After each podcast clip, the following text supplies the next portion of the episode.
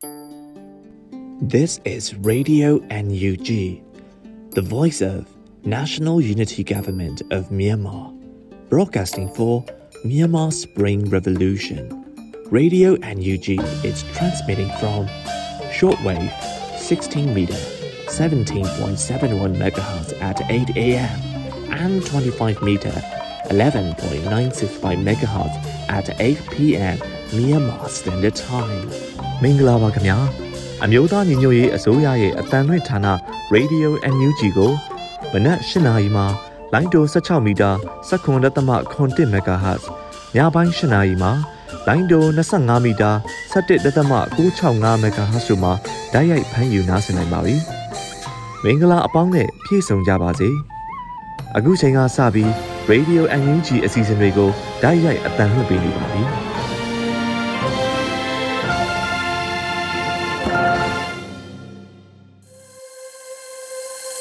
ရေဒီယိုအန်ယူဂျီကိုနားတော်တာဆင်နေတဲ့ပရိသတ်များမင်္ဂလာနေ့လည်ခင်းပါရှင်။ကျမတို့ရဲ့တိုးချက်ထုံးလွှင့်မှုစီစဉ်ဖြစ်တဲ့နေ့လည်ခင်းစီစဉ်လေးကိုစတင်ထုတ်လွှင့်ပေးတော့မှာဖြစ်ပါတယ်။ဒီနေ့နေ့လည်ခင်းမှာတင်ဆက်ပေးဖို့ရှိနေတဲ့အကြောင်းအရာတွေကတော့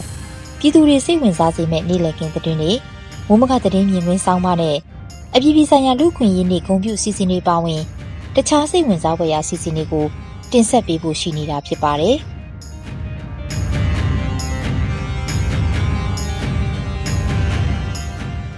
ဒီနေ့နေ့လည်းရဲ့ပထမဆုံးစီစဉ်နေတဲ့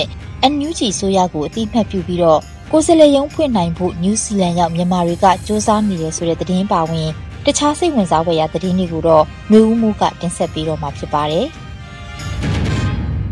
မင်္ဂလာပါခင်ဗျာ။နေ့လည်ခင်းသတင်းများကို တင်ဆက်ပေးပါမယ်။အမျိုးသားညီညွတ်ရေးအစိုးရကိုအတိအမှတ်ပြုပြီးကိုယ်စလဲယုံဖွင့်နိုင်ဖို့အရေးနယူးဇီလန်ရောက်မြန်မာတွေစူးစမ်းနေကြပါတယ်။ NUG ကို တရားဝင်အတိအမှတ်ပြုရေးလက်မှတ်ပေါင်း9သိန်းကျော်ကိုနယူးဇီလန်ပါလီမန်ကရရှိထားပြီးဖြစ်ပါတယ်။ဒါအပြင်စစ်ကောင်စီထိန်းချုပ်တဲ့တန်ယုံအစားအမျိုးသားညီညွတ်ရေးအစိုးရကိုယ်စားလှယ်ရုံးဖွင့်နိုင်ဖို့မြန်မာတွေစ조사တောင်းဆိုနေကြတာပါ။ဒီကိစ္စကိုစ조사ဆောင်ရွက်ပေးဖို့အတွက်အမျိုးသားညီညွတ်ရေးအစိုးရကိုလည်းနယူးဇီလန်ရောက်စစ်အာဏာရှင်စန့်ကျင်သူမြန်မာများကတောင်းဆိုထားပါတယ်။ဇွန်လလကတည်းကစ조사လှုပ်ရှားနေကြတဲ့အဆိုပါလှုပ်ရှားမှုရလဒ်အနေနဲ့ နယူးဇီလန်လွှတ်တော်ထဲမှာလည်းဒီကိစ္စနဲ့ပတ်သက်ပြီးဆွေးနွေးနေကြပါပြီ။အခုလိုပါလီမန်မှာဆွေးနွေးနိုင်တဲ့အထိအခြေအနေကိုရောက်ဖို့မြန်မာနိုင်ငံသားတွေအပြင်ပြည်ပရောက်မြန်မာတွေနဲ့ပြည်တွင်းကပြည်သူတွေစုပေါင်းလက်မှတ်ထိုးတောင်းဆိုခဲ့ကြတာဖြစ်ပါတယ်။ဒါတွေကပါလီမန်ထဲရောက်နေပြီပေါ့နော်။သူတို့လည်းဆွေးနွေးနေပြီ။ကျမတို့ဘက်ကအင်အားကောင်းကောင်းနဲ့အလုတ်လုံနိုင်ခဲ့တာကိုပြသနိုင်ခဲ့တာပေါ့လို့ Democracy for Myanmar ကမ်ပိန်းမှာဥဆောင်လှုပ်ရှားခဲ့တဲ့ မတင်မမဦးကပြောပါတယ်။ဥဆောင်လှုပ်ရှားသူတဦးဖြစ်တဲ့မတင်မမဦးကဆက်ပြောရမှာကျမတို့မြန်မာပြည်နဲ့နိုင်ငံခြားမှာရှိတဲ့ပြည်သူတွေလက်မှတ်ပေါင်း9,244,245အထိရရှိခဲ့ပြီးဖြစ်တယ်။ပြည်သူတွေရဲ့ထောက်ခံလိုလားတဲ့လက်မှတ်တွေကိုလေးစားတဲ့အနေနဲ့ဖြစ်အောင်လုပ်ပေးစေချင်ပါတယ်။တန်တမန်ရေးရာကိစ္စတွေမှာဒီထက်မကပို့လုပ်ပေးဖို့နဲ့လုပ်ပိုင်ခွင့်တွေရရှိဖို့အတွက်လည်းစ조사ပေးဖို့အမျိုးသားညီညွတ်ရေးအစိုးရ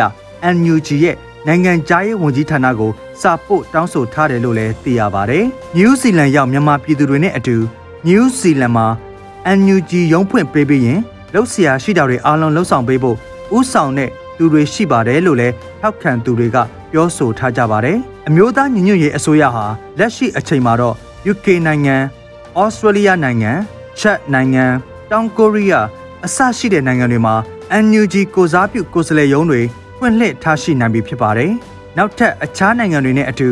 နယူးဇီလန်ရောက်မြန်မာတွေကလည်းကိုယ်စားလှယ်ရုံးဆက်လက်ဖွင့်နိုင်ဖို့ရာအခုလိုစ조사နေကြကြောင်းသိရပါတယ်ခင်ဗျာ။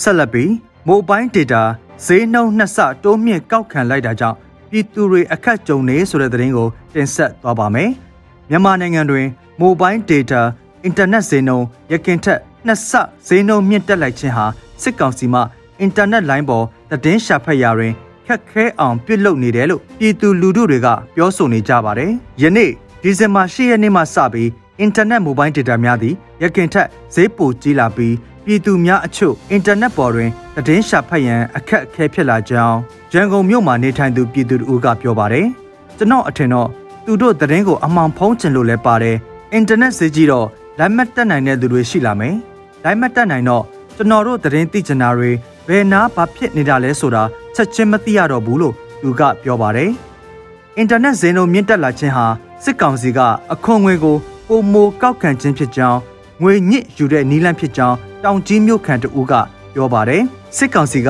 အခွန်ငွေပိုရအောင်လုပ်တယ်လို့ထင်တယ်။အဖက်ဖက်ကလည်းစီးပွားမဖြစ်တော့ငွေညစ်အဲ့နီလန့်ပဲရှိတော့လို့နေမှာပါ။အင်တာနက်ဈေးတက်လာတော့အင်တာနက်လူကြည့်နေလာမယ်လို့ တောင်ကြီးဒေသခံဦးကပြောပါတယ်။ထို့အပြင်အွန်လိုင်းပေါ်တွင်အလုတ်လုံနေသူများအတွက်လည်းအခက်အခဲများစွာရှိလာကြောင်းသိရသည်။ရှေ့ဆက်ပြီးဘလို့အလုတ်လုတ်သွားရမလဲမသိတော့ဘူး။ကျွန်တော်တို့အင်တာနက်ပေါ်ကနေအလုတ်လုတ်တော့ပိုပြီးခက်ခဲလာတယ်။ငကိုကတဲ့ကစားဖို့အနေရေးခက်ခဲနေတာ။အခုလိုအင်တာနက်ဈေးထက်လာမြင့်တက်လိုက်တော့ကျွန်တော်တို့ပိုပြီးခက်ခဲလာနိုင်တယ်လို့အွန်လိုင်းပေါ်အလုတ်လုံနေသူတူကပြောပါတယ်။ရခင်က mobile data internet 1.5 gig ကို1000ကျပ်နှုန်းနဲ့ဝယ်ယူရပြီးလက်ရှိတွင် mobile data တွေကို1.5 gig ကို2996ကျပ်ဖြင့်ဝယ်ယူနေကြရကြောင်းသိရပါတယ်။ဆက်လက်ပြီးတရက်ချောင်းတွင်ရာဘာချစ်ရန်သွားသောအမျိုးသမီးတဦးတနက်ဖြစ်ပစ်ခံရပြူစောတိအဖွဲ့လက်ချက်ဟုဆိုဆိုသည့်သတင်းကိုတင်ဆက်သွားမှာဖြစ်ပါတယ်။တဝဲခရိုင်တရက်ချောင်းမြို့နယ်စော်ဖျားကျေးရွာအုပ်စု မိုးရွှေကူးရွာရာဘာချန်အနီးတွင်ပြူစောတိအဖွဲ့ကအမျိုးသမီးတဦးအားတနက်ဖြစ်ပစ်ခတ်ခဲ့ကြောင်းဒေတာခန်တွေရဲ့ပြောပြချက်အရသိရပါတယ်။ဒီဇင်ဘာ9ရက်မနက်၄နာရီဝန်းကျင်ခန့်ကဒေါ်ဝင်းတင့်ခမဆယ်အသက်40ဝန်းကျင်ဆိုသူသည်ရောဘာချန်တို့ကော်ချစ်သွားစဉ်ပြူစောတိအဖွဲ့ကတနက်ဖြစ်ပစ်ခတ်ခဲ့ကြောင်းဒေတာခန်ရွာသားတို့ကပြောပါတယ်။တနက်ကြီးက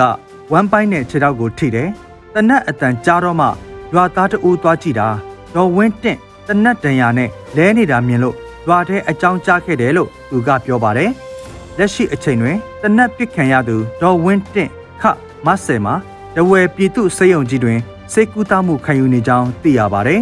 ။စော်ဖျားကြေးရွာအုပ်စုတွင်ပြူစောတီခပြည်သူစစ်အဖွဲ့ကရွာသားတွေအပေါ်ညမတ်ထွက်ရအမိန့်ထုတ်ထားပြီးထိုးဖောက်ပါကတနက်ဖြစ်ပစ်တတ်မယ်လို့ချိန်ချောက်ထားကြောင်းဒေသခံကပြောပါတယ်။ရင်းအမိန့်ကြောင့် ရွာသားများတွင်အခက်အခဲဖြစ်နေပြီးကော်ချစ်တဲ့အလုပ်ကိုညဘက်တွင်မလုပ်ရဲပဲနေခင်းဘက်တွင်လုပ်နေရတယ်လို့မိုးရွှေကူရွာသားတွေပြောပြချက်အရသိရပါတယ်ခင်ဗျာ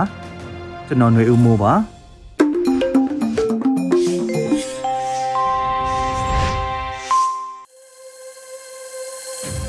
ဒီတစ်ခါမှာတော့စစ်တပ်ကအာဏာသိမ်းပြီးလို့ဆယ်လနဲ့ရှစ်ရက်မြောက်နေ့မြင်ကွင်းဖြစ်တဲ့မြို့ပြတွေမှာနေထိုင်သူတွေရဲ့လှုပ်ရှားရုန်းကန်မှုတွေနဲ့ အဲ့ဒီလိုမတည်ငြိမ်တဲ့ကြားကမတရားဖမ်းဆီးတပ်ဖြတ်မှုတွေကစားလို့မတရားတဲ့နည်းနဲ့တရားစီရင်ရေးတွေလုပ်နေတာတွေအပါအဝင်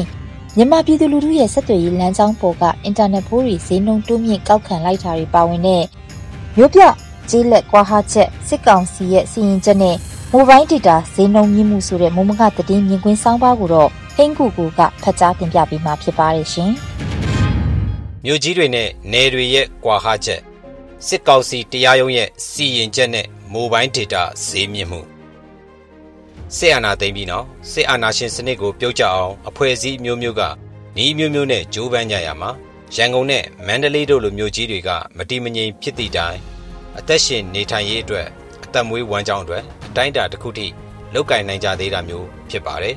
။ရန်ကုန်မြို့မှာဖမ်းဆီးမှုတွေညှဉ်းပန်းနှိပ်စက်မှုတွေဘုံပေါက်ကွဲတာတွေ အလစ်အငိုက်ပြစ်ခတ်လှုပ်ကြံတာတွေရှိနေသည့်တိုင်မြို့မှာနေထိုင်သူတွေဖို့နေ့စဉ်အလုပ်သွားတာကျန်းမာရေးကိစ္စအလုပ်ရှာဖွေရေးကိစ္စလူမှုရေးကိစ္စတွေအတွက်နေ့စဉ်သွာလာလောက်ကင်နေကြသူတွေအများအပြားရှိပါတယ်။မနက်မိုးလင်းတာနဲ့အလင်းရောင်မလာသေးခင်ဈေးကားတွေကုန်ပစ္စည်းပိုးတဲ့ကားတွေသွာလာနေတဲ့အတန်တွေကြားနေရတာဖြစ်ပါတယ်။မနက်မိုးလင်းပြီးနနက်၈နာရီလောက်ကစလို့ကားသွာလာအနှဲငယ်ကျက်လာပြီးမနက်10နာရီလောက်ကနေနေ့လယ်7 7လောက်အထိ မြို့လေတဝိုက်စီကားတဲ့နေရာတွေမှာကားလမ်းတွေပိတ်နေတာတွဲ၍သွားနေတာတွေကြုံကြရတာနေ့စဉ်လိုလိုဖြစ်ပါတယ်။လမ်းစုံကမီးပွိုင်တွေမှာမကြာခဏလျှက်စစ်မီးပြတ်တတ်သလိုမီးပြတ်တဲ့အခါမှာလည်းအရင်တုန်းကလိုရင်တင်းရဲတွေထွက်လာပြီးလမ်းရှင်းတာတွေမရှိတော့ပါဘူး။ရင်တင်းရဲစကန်တွေကိုကားပေါ်ကမောင်းပြန်တနက်နဲ့ပြစ်ပြေးတာတွေဘုံခွဲတာတွေကြောင့်အများစုသောရင်တင်းရဲကင်းတွေမှာရဲတွေပုံမှန်ရှိနေတာမျိုးမရှိတော့ပဲလူမြင်ကွင်းကနေပျောက်နေကြတာပါ။ ရန်ကုန်မြို့ရဲ့အများပြည်သူဝန်ဆောင်မှုတွေရဲ့အချို့အစိတ်ပိုင်းတွေကိုရက်ဆိုင်ထားလိုက်တဲ့သဘောလည်းဖြစ်ပါလိမ့်မယ်။ရန်ကုန်မြို့မှာဘတ်စကားလိုင်းတွေကအစည်းအဝေးလျော့နေပေမဲ့လည်းနေ့စဉ်ပြေးဆွဲနေသလိုလမ်းသွားလမ်းလာတွေလည်းခုလပိုင်းတွေမှာပြန်လည်များပြားလာနေတာတွေ့ရပါတယ်။ဒီအခြေအနေတွေကိုကြည့်ရင်ရန်ကုန်မြို့ကပြက်ခတ်လောက်ကျန်မှုတွေပောက်ကွဲမှုတွေရှိနေသည့်တိုင်သွာလာနေကြလောက်ကင်နေကြမြဲအတိုင်းတာတစ်ခုထိလူတွေအသက်ရှင်စားတော့ဖို့လဲပတ်နေတယ်လို့ဆိုရမယ့်သဘောပါ လက်နက်ကင်တိုက်ပွဲချောင်းချောင်းပြက်ကတ်တိုက်ခိုက်မှုမိုင်းခွဲမှုတွေဖြစ်ပွားနေတဲ့နယ်တွေကြေးရွာတွေကရန်ကုန်တက်စာရင်အများကြီးကန်ဆိုးပြီးဆုံးရှုံးထိခိုက်မှုများတာကိုသတိပြုမိပါတယ်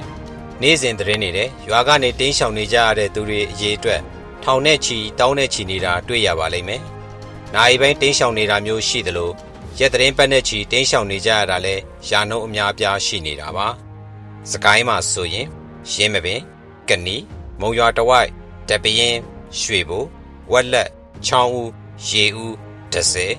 ကံဘလူးမင်းကင်းပလဲစလင်းကြီးစတဲ့ဒေသတွေမှာလူပေါင်းတောင်းတဲ့ချီလက်နက်ကင်တိုက်ပွဲတွေစစ်ကောင်စီရဲ့မြေလံဖျက်ဆီးမှုယောက်ျားမိန်းမမရွေးပြစ်ခတ်တပ်ဖြတ်မီးရှို့တာနေအိမ်တွေမိတင်ရှို့တာကြုံနေကြရတာဖြစ်ပါတယ်။ပိုင်ဆိုင်မှုတွေနဲ့အသက်မွေးဝမ်းကြောင်းလုပ်ငန်းတွေဖြစ်တဲ့စိုက်ပျိုးရေးလုပ်ငန်းအယောင်းဝယ်စတာတွေ အားလုံးနှီးပါးဟာလောလောဆယ်အခြေအနေအောက်မှာလောက်ကင်ဖို့မလွယ်ကူကြတဲ့အနေအထားဖြစ်ပြီးအစင်မသိရင်မိမိကိုယ်တိုင်ရောမိသားစုဝင်တွေရဲ့အသက်တွေပါဆုံးရှုံးနိုင်တဲ့အခြေအနေမျိုးအောက်မှာလှုပ်ရှားသွားလာနေကြရတာသတင်းတွေကိုကြည့်ရင်အကဲခတ်နိုင်ပါတယ်။မြို့ပေါ်ကသူတွေထက်နေကသူတွေရဲ့ပေးဆက်မှုကအစများစွာပိုတာဖြစ်ပါတယ်။ဒီလိုရိတ်ခါစိုက်ပျိုးထုတ်လုပ်မှုအယောင်းဝယ်စက်မှုလက်မှုကုန်ထုတ်လုပ်မှုစိုးရွားစွာကျဆင်းတာကိုလေးလာစစ်တမ်းကောက်ထားတဲ့ ကုလအစီရင်ခံစာအရဆိုရင်နောင်လာမယ့်နှစ်မှာအငတ်ဘေးနဲ့ဆင်းရဲမွဲတေမှုတတ်မှတ်မြင်ဟာတရက်ကိုဒေါ်လာအောက်ဝင်ငွေသာရှိတဲ့လူဦးရေတန်းနဲ့ချီရှိနိုင်တယ်လို့ဆိုထားတာဖြစ်ပါတယ်။ဒီအခြေအနေတွေအတွက်အသက်ဆုံးရှုံးမှုတွေတက်တာအောင်စစ်ကောင်စီကိုဘေးဖယ်ထားပြီးစဉ်းစားရင် NUG အနေနဲ့ဘာတွေပြင်ဆင်ထားတဲ့တလဲလူလူအနေနဲ့ဘာတွေကြိုတင်ပြင်ဆင်ထားနိုင်မလဲဆိုတဲ့မေးခွန်းရှိမယ်ထင်ပါတယ်။ကုလသမဂ္ဂအနေနဲ့တော့ အရေးပေါ်ရိတ်ခအကူအညီတွေအတွက်ဒေါ်လာတန်းရာခိုင်နှုန်းနဲ့ချီလိုအပ်မှာဖြစ်တယ်လို့နိုင်ငံတကာကိုနှိုးဆော်ထားတာသတင်းနဲ့တွေ့ရပါတယ်။နိုင်ငံတကာအကူအညီလဲလိုအပ်တယ်လို့မိမိတို့ဘာသာမိမိတို့ဘာတွေလှုပ်ဆောင်နိုင်မလဲဆိုတာလဲစဉ်းစားအဖြေရှာကြဖို့အရေးကြီးတယ်လို့ထင်မြင်ပါတယ်ဒီနေ့သတင်းနေတဲ့အခြားစိတ်ဝင်စားတဲ့သတင်းတစ်ပုဒ်ကတော့မန်လေးတိုင်းဝန်ကြီးချုပ်နဲ့ပါတီရဲ့ဒုတိယဥက္ကဋ္ဌလည်းဖြစ်သူ ဒေါက်တာဇော်မြင့်မောင်ကိုပုံမှန်905ခါခွေတဘာဝဘေးစီမံပုံမှန်နှမျိုးနဲ့ထောင်ဒဏ်၄နှစ်စီရင်ချက်ချလိုက်တဲ့သတင်းပဲဖြစ်ပါတယ်။ဒေါန်ဆန်းစုကြည်နဲ့ဦးဝင်းမြင့်တို့ကိုဆွဲဆိုပြစ်ဒဏ်ချတဲ့ပုံမှန်နဲ့အတူတူဖြစ်ပြီးပြစ်ဒဏ်လည်းအတူတူပဲဖြစ်ပါတယ်။သို့ပေမဲ့ပြစ်ဒဏ်လျှော့ပေါ့တဲ့ကြေညာချက်လို့ထုတ်ပြန်တာမရှိတာဒေါက်တာဇော်မြင့်မောင်ကအိုးဘိုချင်းတော်မှာထားရှိတဲ့အခြေအနေတွေတော့မတူကြပါဘူး။ဒီစီရင်ချက်တွေစစ်ဆေးမှုတွေက နိုင်ငံရေးအရဖန်ဆီးထားဖို့အကြောင်းရှာစီရင်ချက်ချမှတ်တယ်လို့ပဲယူဆတင်ပြီးပြစ်ဒဏ်၄နှစ်ချသည်ဖြစ်စေဝန်ကြီးချုပ်ဟောင်းနန်းခင်ထွေးမြင့်လို85နှစ်ချသည်ဖြစ်စေဘာမှအနှစ်သာရအဖြစ်မထူးဘူးလို့ပဲယူဆတင်ပါတယ်။ဒီလိုတရားစီရင်မှုတွေကနိုင်ငံရေးအာဏာရဲ့အသုံးချခံရတာဖြစ်ပြီးစစ်အာဏာသိမ်းကာလမဟုတ်ပဲရွေးကောက်ပွဲနဲ့အုပ်ချုပ်တယ်ဆိုပြီးပြီးခဲ့တဲ့စနစ်တာကာလမှာတော့တရားစီရင်ရေးကလွတ်လပ်မှုမရှိခဲ့တာမို့အခုစီရင်ချက်တွေကို ဘာမှလေးလေးနက်နက်မထားဖို့တရားရုံးထုတ်တာတွေအမှုသွားအမှုလာတွေတရားဥပဒေတိုင်းဖြစ်ဖို့လဲမျှော်လင့်စရာမရှိတာတေချာတဲ့အချက်ပဲဖြစ်ပါတယ်။နောက်ထပ်သတင်းအကြောင်းအရာတစ်ခုကတော့မိုဘိုင်းဒေတာလို့ခေါ်တဲ့အင်တာနက်ဝန်ဆောင်ခတွေကိုဈေးနှုန်းတက်ဖို့စစ်ကောင်စီရဲ့ဝန်ကြီးဌာနကမကြာခင်ကညွှန်ကြားထားပြီးခုကစပြီးမြင့်တက်သွားပြီဖြစ်ပါတယ်။ရေပုံရအဖြစ်နှစ်ဆနီးပါးမြင့်တက်သွားတာဖြစ်ပါတယ်။ရုံးသုံးအိမ်မှာအထိုင်သုံးတဲ့ Wi-Fi အင်တာနက်နှုန်းထားတွေတော့မြင့်တက်မလားဒီအတိုင်းပဲဆက်သွားမလားမရှင်းလင်းသေးပါဘူး။ရွေချက်ကတာမန်လူထုတွေဝင်ငွေနေတဲ့ရုံးလုပ်ငန်းကုမ္ပဏီဝန်ထမ်းအဖွဲ့အစည်းတွေနဲ့ဝန်ထမ်းမဟုတ်တဲ့မိုဘိုင်းဒေတာသုံးတဲ့အင်တာနက်သုံးသူတွေအထူးသဖြင့်နေမျိုးနဲ့ကြေးလက်ကလူတွေသုံးဆွဲသူတွေကိုအင်တာနက်သုံးစွဲမှုတွေလျော့သွားအောင်လို့ယူဆရပါတယ်။စီးပွားရေးရှုထောင့်ပညာရေးလူမှုရေးရှုထောင့်ကကြည့်ရင်အင်တာနက်ဟာကုန်ကျစရိတ်အသက်သာဆုံးဆက်သွယ်ရေးနည်းလမ်း ပုံစံအမျိုးမျိုး platform မျိုးမျိုးပေါ်ကနေသတင်းအချက်လက်ရယူနိုင်တဲ့နည်းလမ်းဖြောပြရေးလည်းဖြစ်တဲ့ဆက်သွယ်ရေးနည်းလမ်းဖြစ်ပါတယ်။စစ်ကောင်စီကတော့အာဏာသိမ်းပြီးနောက်ပိုင်းမှာပြစ်ခတ်မှုဆန္ဒပြမှုဖြိုခွဲမှုတပ်ဖြတ်မှုရဲရွာတွေမိရှို့တာဆိုးရွားတဲ့လူခွင့်ရေးချိုးဖောက်မှုတွေကိုမှတ်တမ်းတင်နိုင်တဲ့လက်ကင်ဖုန်းနဲ့အများသိအောင်ဖြန့်ချိနိုင်တဲ့အင်တာနက်ကိုကန့်သက်ဖြတ်တောက်ချင်တာကြောင့်အခုလိုအောက်ခြေလူထုအများဆုံးသုံးတဲ့မိုဘိုင်းအင်တာနက်ကိုဈေးမြင့်တင်ဖို့ညွှန်ကြားထားပြီး စင်စာလုပ်တာလို့ယူဆရပါတယ်။ social media platform ဟာသတင်းမှားတွေသတင်းတုတွေဝါဒဖြန့်ချိမှုတိုက်ပွဲတွေအဝါရောင်သတင်းပညာလို့ခေါ်တဲ့ပရိသတ်ကိုဆွဲဆောင်လှုံ့ဆော်တာမျိုးတွေလည်းရှိနေတာမှန်ပေမဲ့စင်စာလုပ်တဲ့နည်းနဲ့ပိတ်ပင်ထားရင်တော့အနာဂတ်အတွက်ကောင်းတဲ့ရလဒ်တွေထွက်မှာမဟုတ်တာသိကြတယ်လို့ရေးသားထားပါတယ်ခင်ဗျာ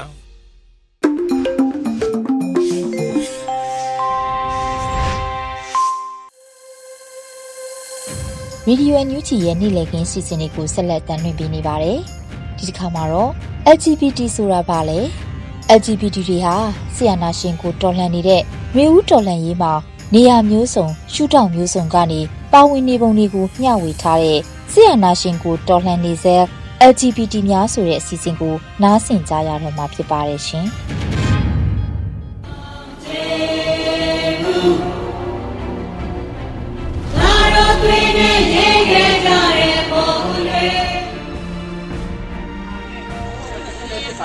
ကျွန်တော်ကိုယ်တိုင်ကလည်းဂေးတစ်ယောက်ဖြစ်ပါတယ်ကျွန်တော်အရင်ဆုံးဒီဟာမပြောခင် LGBT ပါလဲ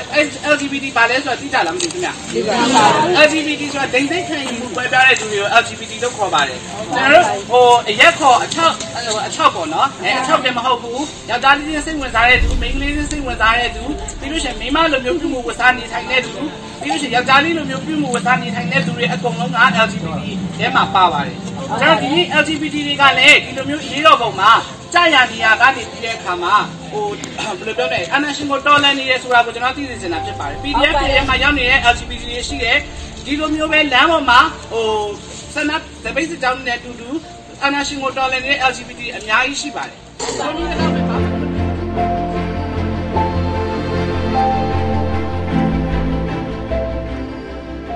ဟာဆိုလို့ရှိရင်ဖေဖော်ဝါရီလ၁ရက်နေ့အာနာသိမ့်ပြီးကလေးကယခုအချိန်ထိမြန်မာ့ຫນွေဥတော်လှန်ရေးမှာသူ့ယုံကြည်ချက်အတိုင်းဒီမိုကရေစီရေးလူအခွင့်အရေးတို့အတွက်လမ်းတွေပေါ်မှာငိမ့်ချမ်းစွာတိုက်ပွဲဝင်နေသူတဦးပါ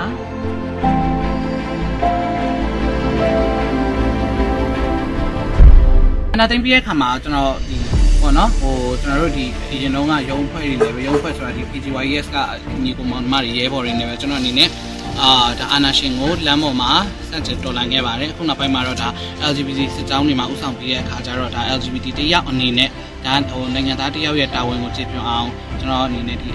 လမ်းလမ်းမပေါ်မှာ LGBT စစ်ကြောင်းတွေကိုဥဆောင်ပြီးတဲ့အခါမှာအာနာရှင်ကိုဆက်လက်တော်လှန်နေပါတယ်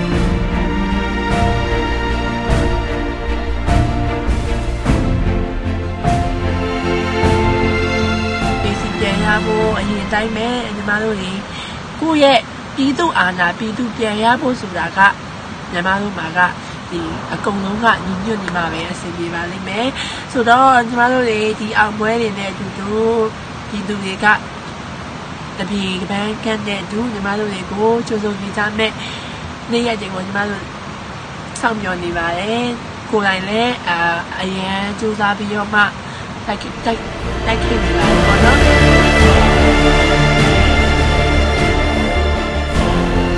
လိမ့်စိတ်ခံယူမှုကွဲပြားသူ LGBT များဟာဆိုရင်စစ်အာဏာရှင်တော်လှန်ရေးကိုနီလန်းပေါင်းစုံဖြင့်ခုခံရင်ဆိုင်တော်လှန်နေကြသူတွေပါသူတို့ဟာဆိုလို့ရှိရင်ပျော့ပြောင်းမှုနူးညံ့မှုတီထွင်ဆန်းသက်မှုအယောင်အသွေးစုံလင်မှုတင်ကေတများပါဝင်သည့်တက်တက်ရောင်အလံကိုအမြင့်မားဆုံးလွှင့်ထူရင်းဆက်လက်ချီတက်တိုက်ပွဲဝင်နေကြသူတွေပါလူမှုပတ်ဝန်းကျင်ချို့ရဲ့အချင်းမြင့်လွဲမှားပြီး အထင်သေးတဲ့ပုံစံခွက်တွေကိုရိုက်ချိုးပစ်ဖို့စ조사နေကြသူတွေပါသူတို့ရဲ့ဒေါ်လာရေးခီးချမ်းဟာအလွန်တရာကြမ်းတမ်းမှုအပေါင်းနဲ့ရင်ဆိုင်ဖြတ်တန်းနေရပါတယ်ဆီအာနာရှင်တွေရဲ့ဖမ်းဆီးခံရမှုအတွက်လဲ LGBT လိင်စိတ်ခံယူမှုကွဲပြားသူများဟာတာမန်သူများထက်ကိုနီလန်းမျိုးစုံနဲ့နှိပ်စက်ညှဉ်းပန်းကျူးလွန်ခြင်းကိုခံရသူတွေပါ LGBT တွေအပေါ်မှာအ ထင်သေးလိုတဲ့စိတ်ရင်းခံမုန်းတီးမှုတွေအပေါ်အသုံးပြုပြီးတော့သူတို့အပေါ်နှိပ်စက်မှုတွေပုံမကျိုးလွန်ကြပါတယ်။ပုံမရက်ဆက်ကြမ်းတမ်းပြီးတော့လူကုံတိတ်ခါကိုထိခိုက်စေတဲ့နှိပ်စက်ခံရသူတွေပါ။ဒါတွေကိုကြန့်ကြန့်ခံရင်ဆိုင်ရင်ຫນွေဦးတော်လှန်ရင်မှာ6ပေမဲ့ကြောက်မနေဘူးဆိုတဲ့စောင်ပုတ်ကိုကင်ဆွဲပြီးယခုအချိန်ထိတော်လှန်ဆင်နွှဲနေကြသူတွေဖြစ်ပါတယ်။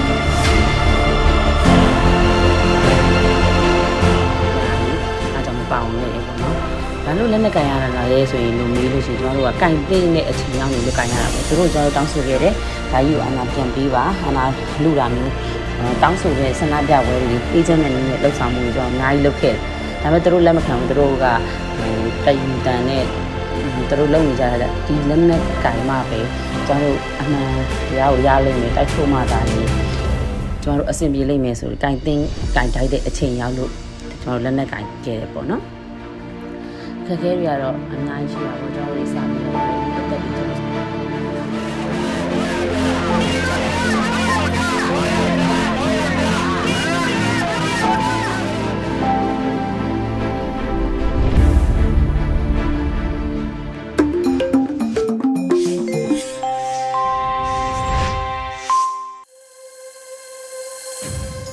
ဆက်လက်ပြီးနားဆင်ကြရမှာကတော့ပြည်ပြည်ဆိုင်ရာလူခွင့်ရေးနေ့ဂုဏ်ပြုအစီအစဉ်ဖြစ်တဲ့ပြည့်ညက်ဟောင်းဆိုတဲ့တေဂီတာကိုနားဆင်ကြရတော့မှာဖြစ်ပါတယ်ရှင်။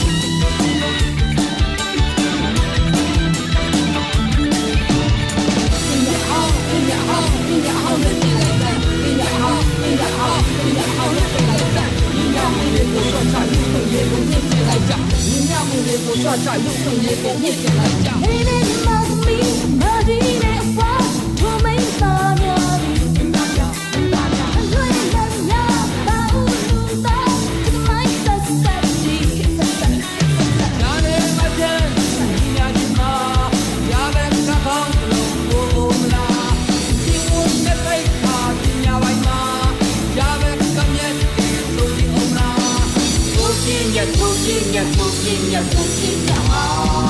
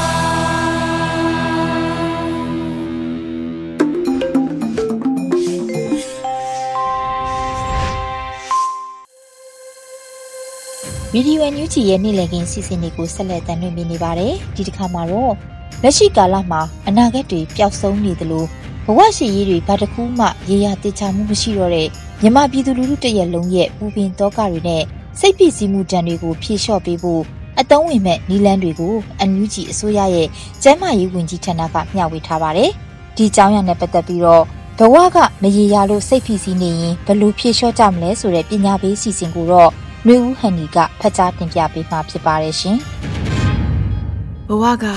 မရေရာလွန်းလွန်းစိတ်ဖိစီးနေကြရတာကိုဘလို့ကင်တွယ်ဖြေလျှော့ကြမလဲ။ဘဝမှာအရာရာတိုင်းကအစီအစဉ်တကျဖြစ်နေတဲ့အခါ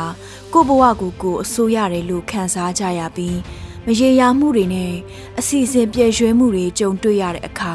ကျမတို့အားလုံးပူပင်သောကတွေနဲ့စိတ်ဖိစီးမှုတွေကိုခံစားကြရပါတယ်။ လက်ရှိကာလမှာတော့အနာဂတ်မျှော်လင့်ချက်တွေဘဝရှေ့ရေးတွေဘာတစ်ခုမှရေရာသေးချမှုမရှိတော့တဲ့မြန်မာနိုင်ငံသားအများစုဟာပူပင်သောကတွေနဲ့စိတ်ဖိစီးမှုတန်းတွေခံစားနေကြရတာကို တွေ့ရှိရပါတယ်။အဲဒါကြောင့်ကြုံတွေ့နေရတဲ့စိတ်ဖိစီးမှုတွေကိုကင်တွယ်ဖြေလျှော့ရမှာအသုံးဝင်နိုင်မယ်နီလန်း၁၀ခုကိုဝေမျှလိုက်ပါတယ်ရှင်။၁ကုကုကူကျင်နာပါ တခြားသူတွေနဲ့နှိုင်းရှင်ပြီးသူတို့ကရှေ့ရောက်နေပြီးငါကဘာလို့သူတို့လိုမဖြစ်ရတာလဲဆိုပြီးအပြစ်မတင်ပါနဲ့အချို့လူတွေကမတေချာမှုတွေကိုရင်ဆိုင်ရမှာတော်တတ်ကြပါတယ်ဖိအားတွေများလွန်းတဲ့အခြေအနေတရက်ကိုကြော်လွန်ဖို့ရာအချိန်ယူရတတ်တဲ့အကြောင်းကိုလက်ခံပါကိုအတိုင်းတာနဲ့ကိုဆက်ရှောက်နေတဲ့ကိုကိုကိုစိတ်ရှိပါနဲ့ အတိတ်ကအောင်မြင်ကြော်လွှားနိုင်ခဲ့တာတွေကိုပြန်အောင်မိပါအတိတ်တုန်းကဒီလိုဖိစီးမှုတွေကိုကြုံခဲ့ပူပြီးအောင်မြင်စွာရင်ဆိုင်ကြော်လွှားနိုင်ခဲ့ပူမှာပါအဲ့ဓာတွေကိုပြန်ပြောင်းဆင်ခြင်ပြီးကိုကိုကိုဂုံယူလိုက်ပါအဲ့ဒီအချိန်တုန်းကကိုလှုပ်ခဲ့တဲ့နီလန်းတွေဟာအခုရင်ဆိုင်နေရတဲ့အခြေအနေအတွက်အတွေ့အကြုံကောင်းတွေဖြစ်နေမှသိချပါတယ်3 အတတ်ပညာသစ်တွေကိုသင်ယူပါဘဝတည်ငြိမ်နေချိန်မှာတက်တောင့်တတအနေထားကနေထွက်ပြီးတခုခုကိုရီမန်းချက်ထားစ조사သင်ယူသင်ပါတယ်အခက်အခဲကြုံလာရပြီဆိုတာနဲ့စွန့်စားရတဲ့တက်တီနဲ့သင်ယူထားတဲ့ကျွမ်းကျင်မှုတွေကကိုယ့်ကိုပိုပြီးအဆင်သင့်ဖြစ်စေနိုင်ပါတယ်လေးတည်င်းတွေနောက်လိုက်ပါတဲ့အကျင့်ကိုဖျောက်ပါ ကျမတို့တွေဟာတခုခုကြောင့်စိတ်ဖိစီးနေတဲ့အခါအဲ့ဒီစိတ်ဖိစီးရအကြောင်းအရာကိုကြော်ပြီးကြည့်မြင်ဖို့ခက်ခဲနေတတ်ပါတယ်။အဲ့ဒီလိုအချိန်မျိုးမှာစိတ်ဖိစီးမှုကိုပိုဆိုးစေမဲ့ဆက်ဆက်တဲ့တင်းတွေကိုမပြီးနိုင်မစီးနိုင် လိုက်ရှာကြည့်နေတာမျိုးကိုရှောင်ပြီးဘာသတင်းထူးလဲကြည့်ဖို့အချိန်ကိုတတ်တတ်မှတ်မှတ်ထားသင့်ပါတယ်။အနားယူချိန်အိတ်ခန့်နီးမျိုးမှာတော့မကြည့်သင့်ပါဘူး။ငါ ကိုမတတ်နိုင်တဲ့ကိစ္စတွေအတွက်ပူပန်နေခြင်းတွေကိုရှောင်ပါမသေးချာမှုတွေနဲ့ကြုံတွေ့ရတဲ့အခါအဆိုးဆုံးဆိုတာတွေကိုကြီးသွားတွေးမိတတ်ပါတယ်ကိုလည်းဘာမှမတတ်နိုင်တဲ့အဆိုးတွေကိုကြီးထက်ခါထက်ခါတွေးနေတတ်တဲ့အကျင့်ကိုပြင်ရပါမယ်6ကိုကိုကိုမေးပါတကယ်လို့မိတ်ဆွေတယောက်မှာအခုငါကြုံနေရတဲ့အခက်အခဲမျိုးရှိနေတယ်ဆိုရင်ငါဘလို့အကြံမျိုးပေးမလဲဘ လို့စကားမျိုးပြောမလဲတွေးကြည့်ပါကို့အခြေအနေတဲကကိုကိုကိုဆွဲထုတ်ပြီးတခြားရှုထောင့်အမြင်ကနေမြင်ကြည့်တာဟာအမြင်ကိုလည်းပြောင်းစေနိုင်တယ်လို့အတွေးသစ်တွေကိုလည်းရစေနိုင်ပါတယ်ခုနှစ်ကိုကိုကိုပိုကယူဆိုင်ပါစိတ်ဖိစီးမှုတွေကြောင့်ကိုပြုတ်နေကြအလေးအထားကောင်းတွေပြည့်ရွှဲမသွားပါစေနဲ့စားချိန်အိတ်ချိန်မှန်ဖို့ဂယူဆိုင်ပါလေ့ကျင့်ခန်းနဲ့လုပ်ပါ စိတ်ဖိစီးမှုတွေကိုတတ်တာစေမယ်တရားထိုင်တာတို့ယောဂလေ့ကျင့်ခန်းလုပ်တာတို့စ조사ကြည့်သင်ပါတယ်ရှေ့ယုံကြည်ရတဲ့သူတွေစီကဖေးမမှုရယူပါလူအများစုစိတ်ဖိစီးမှုကြုံရင်စိုးရိမ်တော့ကဖြစ်ရင်တယောက်တည်းနေလိုက်ကြတော့တာပါပဲလက်တွေ့မှာတော့ပတ်ဝန်းကျင်ရဲ့ထောက်ပံ့မှုကတကယ့်ကိုအရေးကြီးပါတယ် ဒါကြောင့်ကို့အပေါ်မေတ္တာရှိတဲ့မိတ်ဆွေအပေါင်းအသင်းမိသားစုဝင်တွေနဲ့နှွေးနှွေးထွေးထွေးနေပါကိုကိုလုံးနိုင်တဲ့အရာတွေကိုအာယုံစိုက်ပါကိုလုံးနိုင်တာတွေကိုအာယုံစိုက်ခြင်းကြောင့်ကိုဘဝကိုအစိုးရတွေဆိုတဲ့ခံစားမှုပိုရစေနိုင်ပါတယ်။တပတ်စာဘာချက်ရမလဲကြိုအစီအစဉ်ဆွဲတာမျိုး မနှက်ဖြန်ဝတ်ဖို့အဝတ်စားကြိုပြင်တာမျိုးလိုအင်မတန်မှရိုးရှင်းလွယ်ကူတဲ့အလုပ်တွေနဲ့အစားပြုပါ။နေ့စဉ်ရှင်တန်ရမှာမြဲမြံတဲ့ပြုကျင့်ပွဲရာတွေနဲ့အတူကိုကိုကိုစီးစနစ်ကြနာစွာနဲ့တက်တောင့်တတာဖြစ်စေပါ။အစေလိုအပ်လာရင်အကူအညီရယူပါစိတ်ဖိစီးမှုတွေကိုကင်တွယ်ဖြေလျှော့ရမှာခက်ခဲနေရင် မသေးချာမရေရာမှုတွေကိုရင်ဆိုင်ကြော်လွှားရမှာခက်ခဲနေခဲ့ပြီဆိုရင်အကူအညီတောင်းပါစိတ်ဖိစီးမှုတွေကိုကင်တွယ်ဖြေလျှော့ဖို့စိတ်ပညာရှင်တွေကဆွေးနွေးကူညီပေးနိုင်ပါတယ်ကျမ်းမာရေးဝန်ကြီးဌာနအမျိုးသားညီညွတ်ရေးအစိုးရ NUG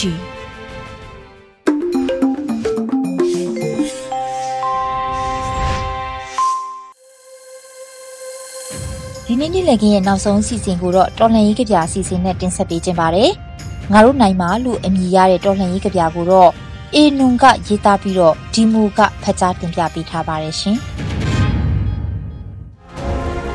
ငါတို့နိုင်မှာတနက်ကိုလေးကွားနဲ့ခံပစ်တယ်လေရင်ကိုတူမီနဲ့ပြန်ပစ်တယ်အဲ့ဒါလို့တော်လန်စိတ်နဲ့ပန်းနိုင်စီရောက်ချီတက်ကြမယ်ငါတို့နိုင်မှာ သွေးမကွဲနဲ့သွေးရဲကြဒါမှဉာဏ်ပညာနဲ့ချစ်ချင်းထွန်းကားတဲ့လူပါကိုငါတို့ရမှာငါတို့နိုင်မှာလန်ခုလက်မှာအသက်တွေကြခဲ့ဘဝတွေဆုံးခဲ့စစ်ပြေးလမ်းပေါ်ကငိုကြွေးတန်တွေမမေ့နဲ့မျက်ရည်ကိုအာမှန်ဖြစ်ပြောင်းကြငါတို့နိုင်မှာသူတို့ရဲ့နောက်ကျောမလုံတဲ့အကြောက်တရားကိုငါတို့ထောက်ထားငှင်ညာစရာဘာအကြောင်းမှမရှိငါတို့နိုင်မှာအေးမော် ဒီကနေ့ကတော့ဒီညနဲ့ပဲ Radio NUG ရဲ့အစီအစဉ်တွေကိုခਿੱတရနာလိုက်ပါမယ်မြမစံတော်ချိန်မနက်၈နာရီနဲ့ညနေ၈နာရီအချိန်တွေမှာပြန်လည်ဆုံတွေ့ကြပါစို့ Radio NUG ကိုမနက်၈နာရီမှာလိုင်းတို16မီတာ7.3 MHz ညပိုင်း၈နာရီမှာလိုင်းတို25မီတာ17.665 MHz တို့မှာဓာတ်ရိုက်ဖမ်းယူနားဆင်နိုင်ပါပြီမြန်မာနိုင်ငံသူနိုင်ငံသားများကိုစိတ်နှပြကျန်းမာချမ်းသာလို့ ဘေးကင်းလုံခြုံကြပါစေလို့ Radio NUG အဖွဲ့သူအဖွဲ့သားများကဆုတောင်းလိုက်ရပါတယ်။အမျိုးသားညီညွတ်ရေးအစိုးရရဲ့စက်သွယ်ရေးတရင်အချက်အလက်နဲ့ဤပညာဝန်ကြီးဌာနကထုတ်လွှင့်နေတဲ့ Radio NUG ဖြစ်ပါတယ်။ San Francisco Bay Area အခြေစိုက်မြန်မာမိသားစုများနဲ့နိုင်ငံတကာကစေတနာရှင်များလှူအားပေးများရဲ့ Radio NUG ဖြစ်ပါတယ်။အရေးတော်ပုံအောင်ရမည်။